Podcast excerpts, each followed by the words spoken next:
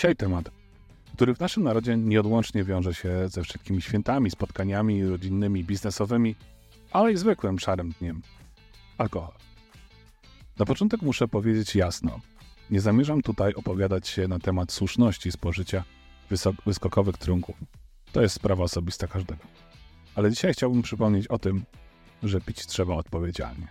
A na pewno odpowiedzialnie trzeba zachować się następnego, a może nawet i kolejnego jeszcze dnia. Chyba każdy, kto był na studiach, może o wybrykach alkoholowych opowiadać godzinami. Pewnie przy niejednej opowieści łezka wzruszenia zamienionymi czasami się zakręci.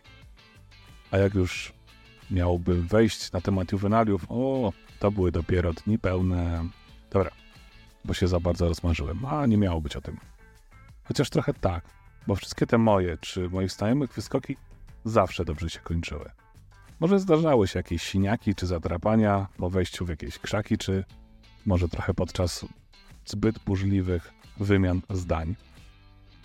Ale co mają powiedzieć ci, u których zakończyło się to tragedią? Idą święta. Wszystkim nam udziela się ten świąteczny czas. Ale trzeba powiedzieć sobie jasno: piłeś, nie jedź. Nie jesteś pewny, czy możesz następnego dnia jechać? Nie jedź. W naszym społeczeństwie zbyt ufamy internetowi czy różnego rodzaju aplikacjom.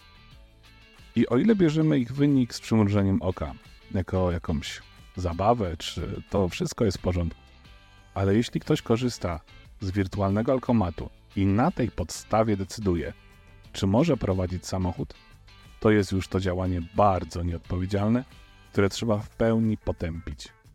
Bo taki wirtualny alkomat to tylko bardzo zgrubne przybliżenie które nie bierze sporo różnorakich, a bardzo istotnych czynników, jak chociażby aktualna kondycja organizmu. Jeśli chcesz mieć pewność, to musisz mieć prawdziwy alkomat. I to też nie taki, który można kupić za kilka złotych bez żadnych kalibracji. Dzisiaj krótko, ale konkretnie. Jeszcze raz. Piłeś, nie jedź. Miej pewność, że wytrzeźwiałeś, zanim wsiądziesz za kierownicę. Tak, żeby każdy, kto wyjechał na święta, cały z nich wrócił do domu. Koniec.